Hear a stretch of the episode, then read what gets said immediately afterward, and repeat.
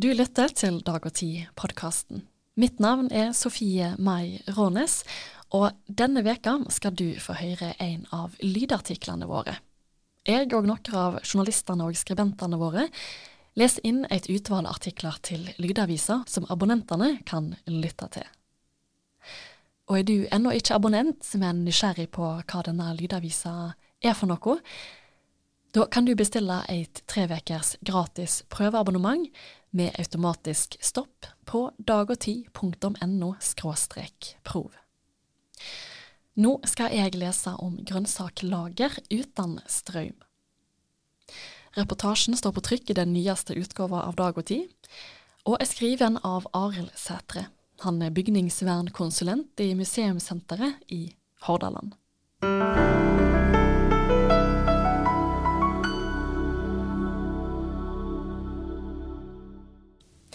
Før elektrisiteten kom, var jordkjelleren kjøleskap og grønnsakslager. Den småskala grønnsak- og potetdyrkinga som for noen tiår siden foregikk på alle småbruk og hageflekker, er i dag stort sett borte. I dag har de fleste av oss grønnsakslageret i plastboksen nederst i kjøleskapet. Før nytta mange jordkjeller, eller potetkjeller, en frittliggende kuppelforma steinkonstruksjon dekt med torv. Mange vil vite at disse jordkjellerne har vært nytta til frostfri lagring av grønnsaker og poteter helt opp til vår tid. Du kan se disse igloforma graskledde bygningene enten frittliggende eller dels gravne inn i bakken, ikke ulikt husa til hobbitene fra Ringenes herre-filmene. Felles for de fleste jordkjellerne er at de har doble dører, ei ytterdør og ei innerdør, for ekstra isolasjon i de kaldeste periodene. I taket er det alltid en luftekanal, eller jorde, slik at en kan regulere luftfukt og temperatur gjennom de ulike årstidene. Dette ble gjort ved at en la over ei steinhelle for tetting, eller la denne til sides for lufting. Jordkjelleren står rett på bakken uten isolasjon eller plate mot jorda, men gjerne med heller til gulv. Med stein som bærende konstruksjon og med jord og torv som isolasjon og tekking, gir dette svært gode forhold for lagring av grønnsaker. Optimale lagringsforhold for dømes poteter og gulrøtter er en temperatur mellom 2 til 7 grader og luftfukt mellom 70 og 90% Om du stikker hodet inn i en slik kjeller og retter lommelykta mot taket, vil du trolig legge merke til hvite kokonger og ganske store edderkopper. Disse kjelleredderkoppene, Meta menardi, blir sagde å være indikatorer på at kjelleren fungerer som man skal, siden de trives best med høy luftfukt og låg temperatur, akkurat som grønnsakene. En tradisjonell jordkjeller blir bygd av materiale på staden, etterlater seg svært lite klimaavtrykk under oppføring, og har heller ingen driftskostnader. Ikke engang logistikk eller transportkostnader trenger en tenke på når lageret ligger rett ved der potetene blir dyrka. Det er ikke gjennomført noen registrering av hvor mange som finnes her til lands, men det er gjort overslag i samband med ulike kulturminneregistreringer i kjerneområder for jordkjellerne, som strekker seg fra Karmøy i sør til Gulen i nord. Bare på Karmøy er det registrert over 400, og vi vet at tettleken er om lag like stor i de andre kystkommunene. Det var en jordkjeller på nesten hver gard, somme steder til og med to. Dette sier noe om omfanget av et typisk hverdagskulturminne, og hva det har hatt å si for dagliglivet til flere generasjoner, noe som står i kontrast til merksemda jordkjellerne har fått til nå. Den vestnorske jordkjelleren er godt dokumentert i samband med både restaurering, flytting og bygging, slik at vi er godt kjente med materialbruk og byggemåte. Verre var det da Museumssenteret i Hordaland og Norsk håndverksinstitutt skulle dokumentere bruken av jordkjelleren. Det viste seg at en var ute i tolvte time, for nesten ingen bruker jordkjellerne sine lenger. Vi var ute etter å dokumentere den finslipte kunnskapen, akkumulert gjennom flere generasjoner, om regulering av luft, fukt og temperatur, og om hvordan de ulike grønnsakene skulle lagres. Nær sagt ingen av kjellerne en ser i landskapet i kyststråka på Vestlandet, er i bruk lenger. Trass i dette var vi heldige og fant noen informanter, slik at det ble samla nok informasjon til tre filmer om tradisjon og bruk av jordkjellere. Filmene, som ble laga av Siri Linn Brandsøy, er tilgjengelige på YouTube om du søker etter Potetkjelleren eit portrett. Når tok en til å nytte jordkjellere her til lands?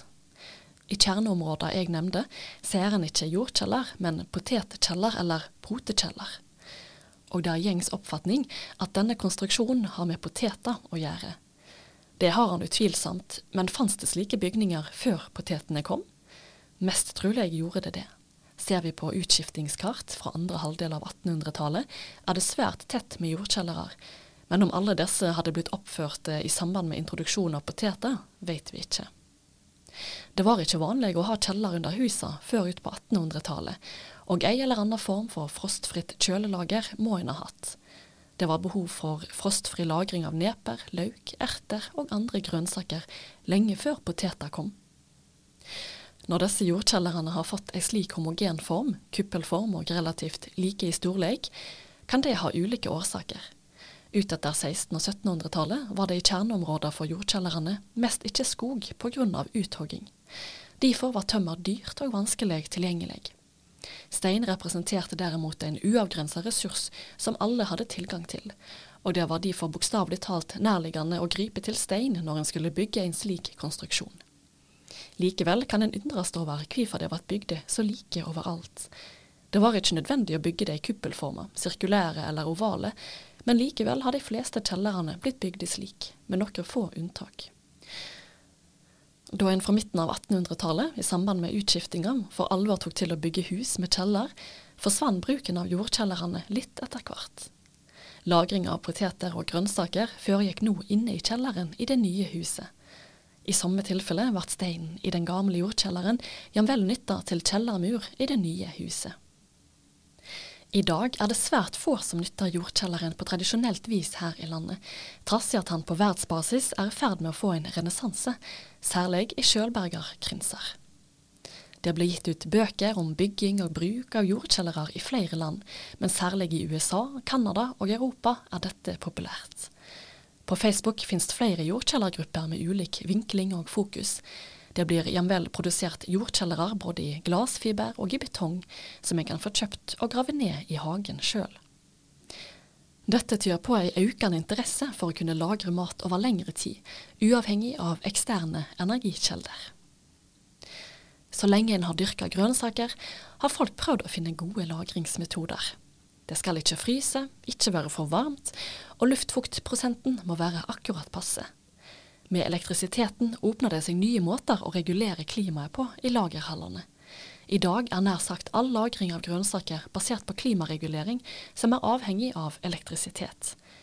Når strømmen blir for dyr og det representerer tap for bøndene å lagre grønnsakene over vinteren, blir løsninga å destruere grønnsakene eller å la de råtne på rot.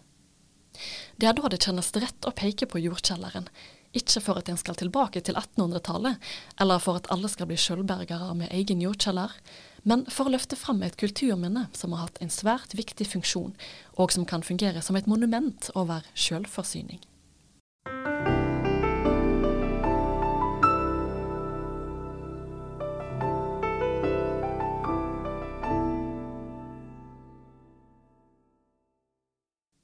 Du hørte nå en av lydartiklene våre.